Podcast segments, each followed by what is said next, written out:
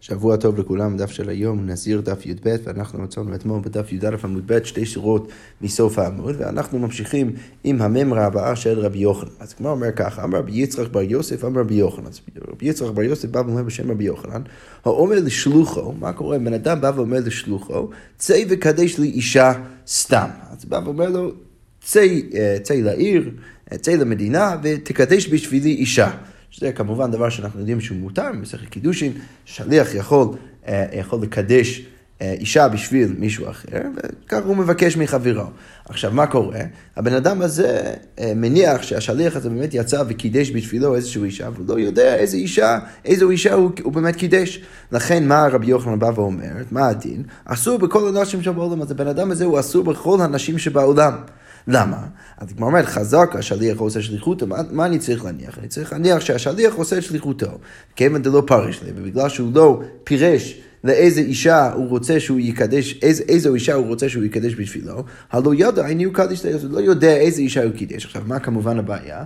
יכול להיות שכל אישה ש, ש, שהוא ירצה עכשיו לקדש אותה, יכול להיות שהיא בעצם קרובת משפחה של אותה אישה שהשליח קידש. ולכן יוצא שהבן אדם הזה עכשיו אסור בכל הנשים שבעולם. אוקיי, אז קודם כל אנחנו נקיים איזשהו דיון פנימי בתוך הממרה של רבי יוחנן, ואנחנו נראה בהמשך הדף איך זה באמת הופך להיות קשור למשנה שלנו. אז הגמרא אומר ככה, הייתי בריש לוקיש רבי יוחנן, אז בא ומקשה רבי יוחנן, מביא לקושיה משנה במסכת קינים. כתוב שם במסכת קינים, וכאן הרקע שרק אה, חשוב להזכיר לעצמנו זה שיש כמה אנשים שחייבים להביא אה, כן של, של, של שני ציפורים לבית המקדש, אחד חטאת ואחד עולה, שזה אישה זבה, או, או בן אדם, או גבר זב. אה, או מצורע, כל מיני אנשים אחרים, יולדת גם כן, אה, ו, ו, וכדי לעשות את זה, צריך בעצם להפריש מה שנקרא כן של שני ציפורים. ואז בהמשך צריך בעצם להגדיר שאחד מהציפורים, אחד מהגוזלים, אה, יהיה הקורבן חטאת, ואחד, ואחד יהיה קורבן, קורבן עולת העוף. אז, אז, אז יש לוקיש בא ומקשה רבי יוחנן בסדר קינים, בא ואומר, כתוב ככה במשנה בסדר קינים. כן סתומה שפרחה גוזל אחד מהם לאוויר העולם, או שפרחה לבית חטאות המתות, או שמת אחד מהם, ייקח זוג לשני. אוקיי, okay, אז מה הפשט כאן במשנה? אז המשנה בעצם אומרת שאם בן אדם הפריש כן, אבל הוא עוד לא הגדיר איזה אחד מהגוזלים הוא ההוא שצריך להיות החטאת, ואיזה מהם הוא ההוא שצריך להיות העולה. עכשיו, אם מדובר על סיטואציה כזאת, ואחד מהגוזלים פרחה לכל מיני מקומות, בין אם, זה, בין אם הוא פרחה לאוויר, היא פרחה לאוויר העולם, והוא כבר לא יודע איפה הגוזל נמצאת, ולכן אה, הוא נשאר רק עם אחד, או שהיא פרחה לבין חטאות המתות, שלא ניכנס לסוגיית חטאת, חטאת המתה, אבל יש כל מיני אה, קורבנות אה, חטאת, גם של בהמה וגם של עופות, שברגע ש, ש, שכבר לא רלוונטי לבעלים להביא את החטאת הזאת, אז, אז, אז הבהמה או העוף צריכה פשוט למות. אי אפשר אה, להקריב את זה כקורבן, אי אפשר לאכול את זה, אין אפשרות אחרת. אז אם אה, עוד אופציה זה שהגוזה בעצם פרחה לתוך לבין חטאות המתות, או שמתה אחד מהם, או שאחד מהם נפטר, אז מה הוא צריך לעשות? ייקח זוג לשני. אז הפתרון הוא מאוד פשוט, פשוט תיקח עוד אחד, למה? כי כרגע הוא עוד לא הגדיר איזה מהם הוא אמור להיות החטאת ואיזה מהם הוא אמור להיות העודה, ולכן הוא פשוט יכול לקחת עוד אחד להיות הזוג השני לראשון שעדיין יש לו, והכל בסדר גמור. אבל אילו כן מפורשת, אין לו תקנה. אבל לכאורה משמע מזה שאם הכן, אם, אם היה לו כן שהוא כבר מפורש, שהוא יודע איזה מהם הוא חטאת ואיזה מהם הוא עלה, או שהוא לפחות כבר הגדיר איזה מהם העולה ואיזה מהם החטאת, ואחד מהם פרחה לאוויר והוא לא יודע איזה מהם פרחה, אז אין לו תקנה. למה אין לו תקנה? כי הוא לא יודע אם מה שפרחה לאוויר זה בעצם החטאת. או אם מה שפרחה לאוויר זה בעצם העולה, ולכן הוא לא יכול להביא שני ולהגדיר אותו כאחד משתי האופציות, כי הוא לא יודע מה נשאר אצלו, ולכן מה הוא צריך לעשות? הוא צריך פשוט להביא עוד סוג. עכשיו, מכל זה ריש לוקיש מנסה להביא קושייה לרבי יוחנן, למה? מה ריש לוקיש בא ואומר? ואילו שאר קינים בעלמא מתקנון, אבל מה אני יכול עדיין להגיד? אני יכול להגיד ששאר הקינים בעולם, הכל בסדר גמור, כל זוג של גוזלים שבן אדם, אה, שבן אדם ייקח כדי להקריב כן ציפורים על גבי המזבח, אז זה יהיה כשר. אבל הגמרא אומרת, ריש לקיש בא ומקשה רבי יוחנן לפי שיטתך, ועמי, למה, למה שזה יהיה בסדר גמור? הרי למה כל אחד ואחד אתם, היינו. הרי אולי צריך לחשוש שכל אחד ואחד מהציפורים שאתה לוקח, זה האחד שפרחה מאותו בן אדם, ולכן בעצם יוצא ש, שאם מישהו יקריב שתי גוזלות, אז יכול להיות שיש סיכוי שהוא באמת מקריב אחת, אחת מהגוזלות, זה בעצם הגוזל שפרחה מאותו בן אדם, הוא מקריב את הקורבן של מישהו אחר. ושוב, יש רק בא ואומר, כל זה לשיטתך רבי יוחנן, אתה רבי יוחנן. בא ואומר שכשבן אדם אה, אה, אה, שלח את השליח שלו לקדש בשבילו אישה, והוא לא יודע איזה אישה הוא קידש, עכשיו הוא צריך לחשוש שכל אישה שהוא, שהוא, שהוא, שהוא, לא, שהוא, שהוא לא ירצה לקדש, יכול להיות שהאישה הזאת היא, היא בעצם הקרובת משפחה של אותו האישה, אותה האישה שהשליח קידש. אם אתה חושש על זה, לכאורה צריך לחשוש גם כאן, שכל גוזל שאתה לוקח, יכול להיות שזה בעצם הגוזל של מישהו אחר. הגמרא אומרת, אמר לי, רבי יוחנן בא ואומר לריש לקיש, כאמינא אנא אישא דלא ניידא, אני מדבר על אישה שלא מסתובבת, יש לה מקום, יש לה קביעות. ואמרת לי, ואמרת לי את איסורא דנאי, ואתה מדבר על, על, על איסורא דנאי, הרי אתה לא יכול להשוות.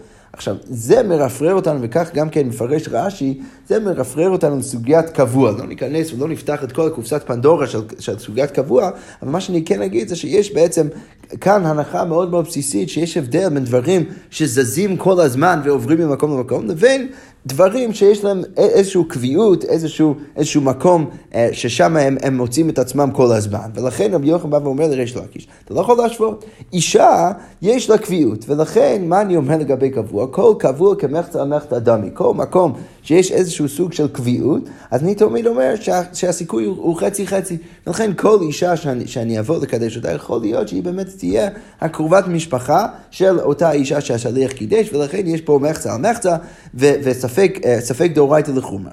אבל המקרה של ריש לקיש זה מקרה של, של, של, של, של גוזלות שזזים כל הזמן, הם עוברים למקום למקום, אתה לא באמת צריך לחשוש, כי אתה לא יכול להגיד שיש פה קבוע, ולכן, מה, איזה כלל אני כן משתמש בו כדי לנסח את ההתר כאן? יש, יש, יש כלל כזה ש, ש, שהוא נקרא כל דפריש מרובה פריש. כל עוד הדבר לא קבוע במקומו, ו, ו, ו, והוא זז כל הזמן, אז אני מניח שכל מה ש, ש, ש, שפורש מהרוב, סליחה, כל מה שפורש ובמקרה כזה, כל גוזל שאתה לא תיקח כדי להקריב על גבי המזבח, צריך להניח שהוא פורש מהרוב. ורוב הגוזלות הם לא של בני אדם אחרים, ולכן אתה יכול לסמוך על זה, ואתה יכול ללכת לכולה. אז דרך זה רבי יוחנן בא ומחלק בין שהם מקרים, בא ואומר, יש לקיש, אין פה שום קושייה. וכי תהמה, אה, אז הגמרא אומרת, אה, אולי אתה תצא להגיד שמה? הכנה מיני, גם כאן, הרי, הרי יכול להיות סיטואציה שגם האישה זזה ממקום למקום. למה? כי אמר בשוק האשכח וקדיש, כי יכול להיות שבא סיטואציה שהוא מצא אישה בשוק, והוא קידש אותה שם, שאז מדובר סיטואציה שהיא בעצם, באמת זזה ממקום למקום. אבל גם עדיין שם צריך להגיד שבכל מקרה יש איזושהי קביעות לאישה. למה? כי הותם הדה לניחותא, כי בסוף... האישה תגיע הביתה והיא תחזור והיא תהיה במקום הקביעות שלה. ולכן לגבי האישה, אתה לא יכול להגיד שמדובר על משהו שזז כל הזמן, אבל לגבי כן, מהדרה, הרי כן, הגוזלות הן לא... סליחה, הן לא מוצאות את, את, את המקום שלה, שלהם במקום קבוע, הן תמיד זזות ממקום למקום, ולכן שמה אתה לא באמת צריך לחשוב, אתה צריך לחשוב רק במקרה של האישה. יפה, אז זה ככה סוגר את, את הדיון בין ריש לקיש ורבי יוחנן והקושה של רבי יוחנן וריש לקיש, אה, של ריש לקיש ורבי יוחנן, רבי יוחנן מתרץ, וכאן אנחנו נראה עכשיו את הממר של רבא, שדרך הממר של רבא, שהוא בעצם, שהיא בעצם מוסבת על מה שרבי יוחנן אמר, ודרך הממר הזאת אנחנו בעצם אה, אה, אה, נקשר את כל הדיון הזה למשנה שלנו. אז כבר אומר ככה, אמר רבא, ומודה רבי יוחנן באישה שאין לה לא בת ולא בת בת ולא בת בן ולא אם ולא אם אם ולא אחות. אז רבי בא ואומר, רבי יוחנן לפחות יודע שמה, שאם מדובר על אישה שהבן אדם עכשיו רוצה לקדש אותה, שאין לה בת ואין לה גם כן נכדה, אין לה בת של הבת, ואין לו בת של הבן, ואין לו אימא, ואין, ואין לה סבתא, וגם כן אין לה אחות, ש... האישה הזאת ודאי מותרת. למה היא ודאי מותרת? כי לא משנה אם השליח קידיש אישה אחרת, היא ודאי לא הקרובת משפחה של האישה הזאת, כי לאישה הזאת אני יודע שאין לה שום קרובי משפחה. ולכן מה אני אומר? שם במקרה כזה ברור שרבי יוחנן מודה. עכשיו, רבא עוד מוסיף ואומר, ואף על פי שהייתה לה אחות ונתגרשה לאחר מכן, דההיא שריה. אז אז, אז רבא בא ואומר שרבי יוחנן מודה לא רק במקרה ש, שאמרנו למעלה באישה שאין לה שום קרוב, קרוב משפחה, אלא אפילו אם יש לה קרוב משפחה, נגיד יש לה אחות. אבל ברגע שהבן אדם שלח את השליח כדי לקדש בשבילו אישה, האחות של אותה אישה הייתה נשואה. ולכן מה אני אומר? למרות שיש לה אחות, כל עוד היא הייתה נשואה ברגע שהוא שלח את השליח, אפילו אם אחר מכן היא התגרשה, עדיין אני לא צריך לחשוש, והבן אדם הזה יכול לבוא עכשיו ולקדש את האישה, כי הוא יכול להניח שכשהשליח יצא לדרכו, אחותה עוד הייתה נשואה, ולכן אין סיכוי שבאמת השליח קידש בשביל הבן אדם הזה את אחותה של אותה אישה. יפה. אז עכשיו הגמרא אומרת, מה איתה? למה באמת אנחנו מניחים שהכל בסדר גמור. אז הגמרא אומרת, זה בההיא שעתא דקה אמר לי, בדיוק כמו שאמרנו, ברגע שהבן אדם שלח את השליח כדי לקדש בשבילו אישה, הווה נסיבן לגברי, האחות של אותה אישה עכשיו שהוא מסתכל עליה עכשיו, הייתה נשואה, ולכן כי משבי שליח במילתא דקאי מקומי. אז, אז ברגע שהוא, שהוא הפך את, את הבן אדם להיות שליח, אז צריך להניח שהוא קיים את השליחות שלו על פי המציאות של אותו הרגע. ולכן באותו הרגע, אם באותו הרגע הוא שלח את השליח ואחותה של אותה אישה הייתה נשואה, אז זה בעצם אומר שאתה לא צריך לחשוד שהוא קידש בשבילו את האישה הזאת, את אחותה שלה, ולכן האישה הזאת עכשיו אה, אה, מותרת. אז כמו אומרת בדיוק יותר, כי משבי שליח במילתא דקיימא קמי, במילתא דלא קיימא קמי לא משבי שליח, אבל במשהו שהוא לא חלק מהמציאות באותו רגע שהוא שולח את השליח, לזה לא צריך לחשוש, ולכן על, על אף שאחותה של האישה התגרשה לאחר מכן, בכל זאת לא צריך לחשוש, אפשר להניח שהאישה שהשליח קידש היא לא אחותה של האישה הנוכחית.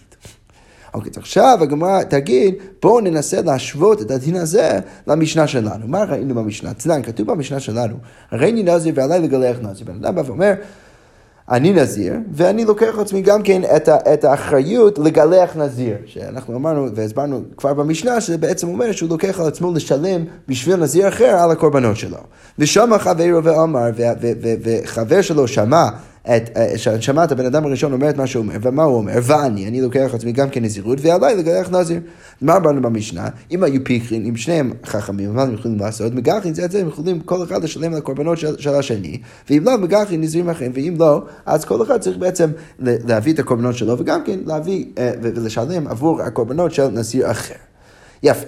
אז עכשיו הגמרא אומר ככה, בשלמה בתורה אני מבין למה השני יכול להקריב את הקורבנות של הראשון. למה? כי איכא קדמה קמא, כי באותו רגע שהוא לקח עצמו את הנזירות, כבר הבן אדם הראשון היה נזיר, ולכן הוא יכול עכשיו לשלם בשבילו את ה, את ה, על הקורבנות. אבל אלא קדמה, אבל הראשון, מאיכא בתרא קמא, הרי ברגע שהוא לקח עצמו לשלם בשביל איזה מישהו אחר על, על הקורבנות שלו, של, של הנזירות, באותו הרגע השני עוד לא היה נזיר, ולכן איך הוא יכול לשלם בשבילו את הקורבנ, על הקורבנות? הגמרא אומרת, אלא הכי כמר, למה צריך להגיד? בתוך, ה, אה, אה, בתוך המשנה, אם משכחנה דהבי נזיר אגלחי. צריך להגיד שבעצם כוונת הבן אדם, אפילו הבן אדם הראשון שלקח לעצמו לשלם בשביל מישהו אחר על נזירות, זה לא שהוא אמר באותו הרגע, כאן, כל נזיר שיש בעולם, אני לוקח על עצמי לשלם בשבילו, על, אה, או בשביל, על, אני, אני לוקח על עצמי לשלם בשביל אחד מהם על הקורבנות. זה לא, זה לא מה שהוא אומר. מה הוא אומר? הוא אומר שאם אני... אה, אה, אם אני מוצא, אם אני אמצא מישהו אפילו בעתיד שהוא נזיר, אז אני אשלם בשבילו. ולכן, הגמרא אומרת, אם אתה ככה מבין את המשנה, אז יוצא שאפילו אם השני עוד לא היה נזיר באותו הרגע שהראשון אמר את מה שהוא אמר, בכל מקרה, אם אתה מבין ככה את הממר שלו, זה בעצם אומר, אם אני אמצא בעתיד מישהו שיצטרך להקריב קורבן של נזיר, אז אני אשלם בשבילו. עכשיו, אם אתה מבין אותו ככה, אתה יכול להבין למה הוא יכול גם כן להביא בשביל, בשביל חברו. אבל הגמרא אומרת, רגע, אם ככה אתה מבין את המשנה, אז לכאורה אפשר להבין גם ככה את, את הממרה של רבי יוחנן, או את המקרה של רבי יוחנן. אז הגמרא אומרת, רגע, אבל הכי נמי, הכי כמה, צריך להגיד גם כן לגבי המקרה של רבי יוחנן, שמה אולי צריך להניח שהמשלח אמר לשליח, אם משכחת דמי גרשה, קדש לי. אם אתה תמצא שאישה, למרות שהיא נשואה עכשיו, תתגרש, אז גם אותה אתה יכול לקדש בשבילי. עכשיו, אם אתה מבין אותו ככה, אז לא ברור אה, למה אנחנו יכולים לסמוך על ההתר של רבא. הרי מה רבא אמר? רבא אמר שאם מדובר על אישה שאין לה שום קרובי משפחה, אז אפשר לקדש אותה. עכשיו, הוא אמר לא רק את זה, אמרנו שהוא, שהוא בא ואומר שאפשר לקדש אותה אפילו אם יש לה אחות. כל עוד האחות הייתה נשואה ברגע שהבן אדם שלח את השליח, אז אני מניח שאפילו אם האחות הזאת התגרשה בעתיד, אני מניח שהשליח לא קידש אותה. אבל הגמרא אומרת, רגע, אבל לפי איך שאתה, ש, שהסברנו במשנה, צריך להבין את המשנה, אז יוצא שאולי גם ככה אפשר להבין את האמירה של השליח, ולכן יוצא שאין, אנחנו לא אמורים בהכרח להניח שהשליח לא קידש את אותה אישה, למרות שהיא הייתה נשואה באותו רגע, כי יכול להיות שהיא התגרשה אחרי כן, ולכן יכול להיות שדווקא אותה אישה הוא קידש. ולכן לא ברור למה אפשר שה, ש, ש, שהמשלח עכשיו יקדש את האישה שהיא אחותה של אותה אישה. אז כמו אומרת, אמרי, לא משווי הנה שליח אל במילתא דמתי אביד השתא. לא, הגמרא אומרת, עדיין זה שונה. אולי אתה יכול להסביר ככה את המשנה, אבל לגבי המקרה של רבי יוחנן, בן אדם לא יהפוך בן אדם להיות שליח, אלא במילתא דמתי אביד השתא. אה, הוא יהפוך אותו להיות שליח רק במה שהוא יכול לקיים ממש עכשיו. ולכן, כל עוד האישה הייתה נשואה באותו רגע שהוא שלח את השליח, לא צריך לחשוש. כי במילתא דלא מתי אביד להשתא במשהו שהוא לא יכול לעשות עכשיו, לא משווה, הוא לא יהפוך אותו להיות שליח, ולכן שם לא צריך לחשוש.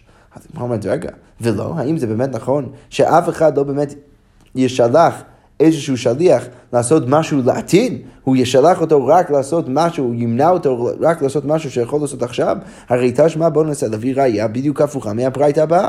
כתוב בברייתא, אומרים לאפוטרופוס שלו, בן אדם אומר לאפוטרופוס שלו, זה בן אדם שאחראי על כל מה שקורה בביתו, כל נדרים שתידור אשתי מכאן עד שאבו ממקום פלוני יפר לה, כל נדר שאשתי לוקחת על עצמה אני עכשיו נוסע לחו"ל, כל נדר שאשתי לוקחת על עצמה מכאן ועד שאני חוזר, אני רוצה שאתה תפר. אז, אז כתוב שם בברייתא, והפר לה, ואז האפוטרופוס באמת הפר לה את הנדר, יכול להיות מופרכין, אולי אתה תחשוב שבאמת הנדר מופר, תלמוד אומר, אישה יקימנו ואישה יפרנו דברי רבי יושב. ויושב בא ואומר, יש גזירת הכתוב מהתורה שמעידה על כך שרק הבעל יכול להפר ולא שליח. אבל חולק עליו רבי יונתן, ורבי יונתן אומר, מצינו בכל מקום ששלוחו של אדם כמותו, לא, אנחנו מצינו, אנחנו יודעים ששלוחו של אדם כמותו, ולכן, למרות שכתוב בתורה, אישה יקמנו ואישה יפרנו, בכל זאת, גם האפוטרופוס יכול להפר את הנדר. עכשיו, מה אני מבין מכאן?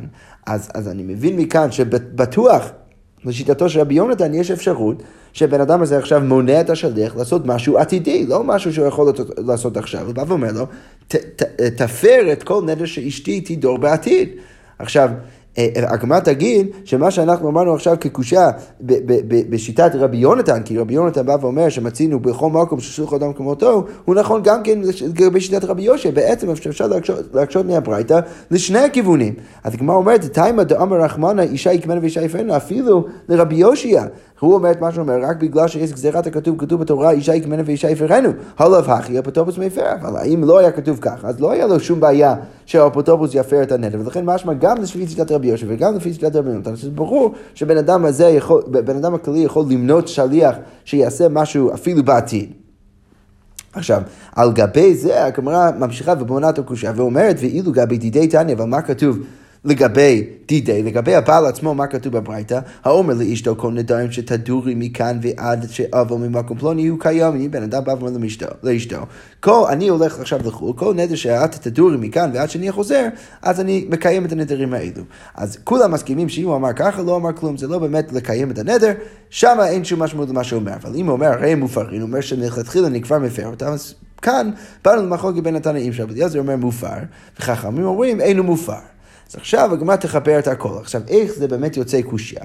כסגה דייטין, כי אמר רבי יושיע, אליבא דרבנן, דאמרי לא מצי מאיפה לכאורה משמע שרבי יושיע, שראינו בברייתא הקודמת, שבא ואומר שהאפוטרופוס לא יכול להפר, אבל רק בגלל גזירת הכתוב, רק בגלל שכתוב אישה יקבנו אישה יפרנו, לכאורה משמע שהוא אומר את זה אליבא דחכמים. הוא, הוא סובר כמו חכמים, שחכמים אומרים אין לו מפר. שהבן אדם הזה עצמו לא יכול להפר את הנדרים העתידיים, ובכל זאת הוא יכול למנות שליח שכן יכול לעשות את זה. אז הגמרא אומרת, כסגה דייטין, שוב, אני קורא את מה שקראתי עכשיו, כי אמר רבי יושע, אליבא דרבנן דאמרי לא מצי מפר, ואילאו דאמר רחמנא אישה יקמנה ואישה יפרנה, אפוטרופוס אבי מפר. לכן מה יוצא?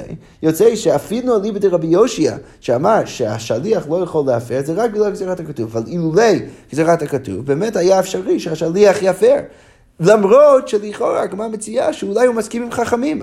שמה? שאפילו אם הבן אדם עצמו לא יכול, לחשוב, לא יכול עכשיו להגיד את הדבר העתידי, הוא בכל זאת יכול, אה, הוא, הוא, הוא יכול למנות שליח שכן יכול לעשות את הדבר העתידי. עכשיו, זה כאן מחדד אה, גם כן את, את מה שאמרנו למעלה, וזה גם מקשה על התירוץ שלנו.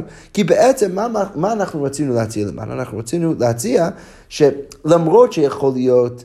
שבן אדם בתיאוריה יכול להשוות שליח, הוא היה יכול למנות את השליח כדי לקדש את האישה אפילו אם היא נשואה עכשיו, אנחנו בעצם אמרנו שזה לא יכול להיות. למה?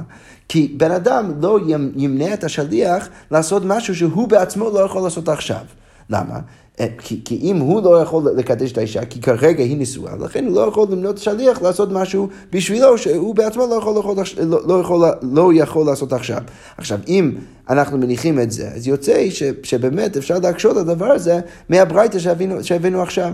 כי למה? כי משמע מהברייתא שלפי רבי יושע, ואולי אפילו גם כן רבי יונתן, שהאפוטרופוס כן יכול, או הבעל יכול להגיד לאפוטרופוס להפר את הנדרים העתידיים שאשתו הולכת לנדור בעוד שהוא בחו"ל, אבל הוא לא יכול לעשות את זה, אבל את הדבר הזה הוא לא יכול לעשות הוא בעצמו.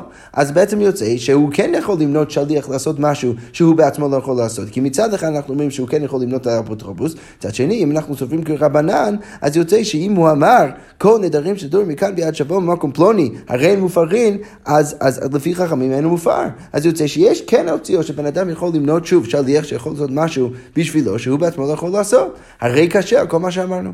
אז הגמרא אומרת לא, ודילמה על דיבה דרבי אליעזר דמר מצי מפר. אז הגמרא אומרת לא, אולי צריך להניח שכל מה שהתנאים הניחו, שבן אדם יכול להגיד לאפוטרופוס שהוא יוכל להפר את, את, את הנדרים העתידיים של אשתו, אולי כל זה רק על ליבה דרבי אליעזר, שראינו את רבי אליעזר בברייתא השנייה, שהוא בא ואומר שהוא בעצמו גם כן יכול לעשות את זה. אבל נכנע שעל ליבה דחכמים אינו מופר. אבל הגמרא אומרת, רגע, אבל אם אתה תרצה להגיד ככה, שזה באמת יתרץ לנו את הבעיה, אז יוצא בעצם בעיה אחרת. יחי, למה לשבוי שליח? רגע, אבל אם הוא בעצמו יכול לעשות את זה, אז למה שהוא ימנה שליח? הרי הוא בעצמו יכול לעשות את זה. אז הגמרא אומרת, ליפר לא יהיו, שהוא יעשה את זה בעצמו. הגמרא אומרת, לא, כסבר דילמה משתלינה, או רתחנה, או מטרדינה. אז הוא סובר שהוא חושש שאולי הוא ישכח.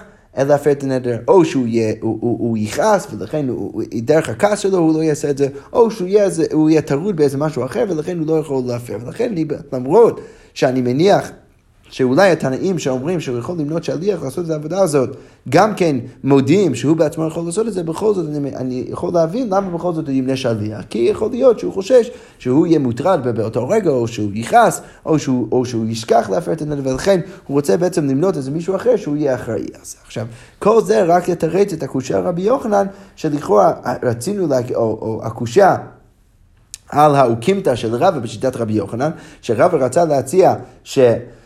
אפילו אם בן אדם השווה שליח כדי לקדש בשבילו אישה, הוא עדיין יכול לקדש אישה שאין לה שום קרובי, קרובי משפחה. ואפילו אם לאישה הזאת יש אחות, כל עוד היא הייתה נשואה באותו הרגע שהוא שלח את השליח, עדיין הוא יכול לקדש אותה, כי לא צריך לחשוש לזה שהשליח אולי קידש את אחותה לאחר שהיא התגרשה. עכשיו, כל זה אנחנו אומרים, כי, כי בעצם אנחנו באים ואומרים שכל מה שבן אדם לא יכול לעשות באותו הרגע, הוא בעצמו, אז הוא לא יכול למנות שליח לעשות גם את זה. עכשיו, ניסינו להקשות מהמקרה של אפוטרופוס, אבל יוצא שבאמת אפשר להגיד שכל התנאים שאומרים שאפשר למנות אפוטרופוס אה, כדי להפר את הנדרים העתידיים של אשתו, אז זה רק על ליבא דמאן דאמר שהוא בעצמו יכול לעשות את זה. אבל אם הוא בעצמו לא יכול לעשות, אז ברור שהוא לא יכול גם כן למנות שליח, ולכן הכל יוצא בסדר גמור. אנחנו בעצם תירצנו את שיטתו של רבא באוקימתא שלו לשיטת רבי יוחנן. יפה. עכשיו אנחנו נמשיך עם משנה הבאה, המשנה אומר ככה, מה קורה אם בן אדם, במקום להגיד שהוא רוצה לשלם בשביל מישהו, בשביל איזה נזיר על כל הקורבנות שלו, הוא בא ואומר, הרי עליי לגלה חצי נזיר. ושם החבר ואומר, ואני עליי לגלה חצי נזיר, כל אחד מהם בעצם בא ואומר שהוא לוקח לעצמו לגלה חצי נזיר, לשלם על חצי מהקורבנות שלו. אז המשנה אומרת, זה מגלח נזיר שלם, וזה מגלח נזיר שלם דבר במרד רבי בא ואומר, כל אחד צריך לגלח ולשלם על הקורבנות של נזיר שלם. כי מה אמרנו, ש, שמה כבר, מה, מה אנחנו כבר יודעים אה, לגבי שיטתו של רבי מאיר? אנחנו יודעים ששיטתו היא שבן אדם לא מוציא דבריו לבטלה, ולכן ברגע שהוא אמר, ראה עליי לגלח, אז הוא כבר עשה על עצמו, כבר לקח על עצמו את האחריות לשלם בשביל נזיר שלם, ולכן כשהוא אומר חצי נזיר, אז זה, זה, אין לזה שום משמעות, ולכן כל אחד צריך עכשיו אה, לגלח מה שנקרא נזיר שלם. אבל חכם אומרים, זה מגלח חצי נזיר, זה מגלח חצי נזיר, כל אחד צריך עכשיו לשלם על חצי מהקורבנות, ולכן הם ביחד יכולים בעצם לבוא ולשלם על אה, הקורבנות של נזיר שלם. אז הגמרא אומרת, אמר רב, המחלוקת בין רבי מאיר הוא לא, לא תמיד ולא בכל מקרה. הכל מאוד, אם כולם מסכימים, כל אחד אמר חצי קורבנות נזיר עליי, חצי קורבן מייטי. כולם מסכימים, אפילו רבי מאיר, שאם בן אדם בא ואומר חצי קורבנות נזיר עליי, אני לוקח על עצמי את התשלום של חצי הקורבנות של נזיר. במקרה כזה כולם מסכימים, אפילו רבי מאיר, שהוא לקח על עצמו רק חצי קורבן. ומצד שני, גם כן כולם מסכימים, חכמים דווקא יודו לרבי מאיר, שאם הוא אומר קורבנות חצי נזיר עליי, במקום להגיד שוב, חצי קורבנות נזיר עליי, כאן הוא אומר קורבנות חצי נזיר עליי, כולי קורבן בעילה הטועה, במקרה כזה, כולם מסכימים שהוא צריך להביא את כל הקורבנות של נזיר אחד, למה? כי אין דבר כזה חצי נזיר, ולכן הוא עכשיו צריך להקריב או לשלם על הקורבנות של נזיר שלם. הייתה עם אז כמו אומרת בדיוק את מה שאמרנו, זה לא אשכרה נזירות לפגר, כי אין שום דבר שנקראת חצי נזירות, ולכן הוא צריך עכשיו לשלם על כל קורבנות.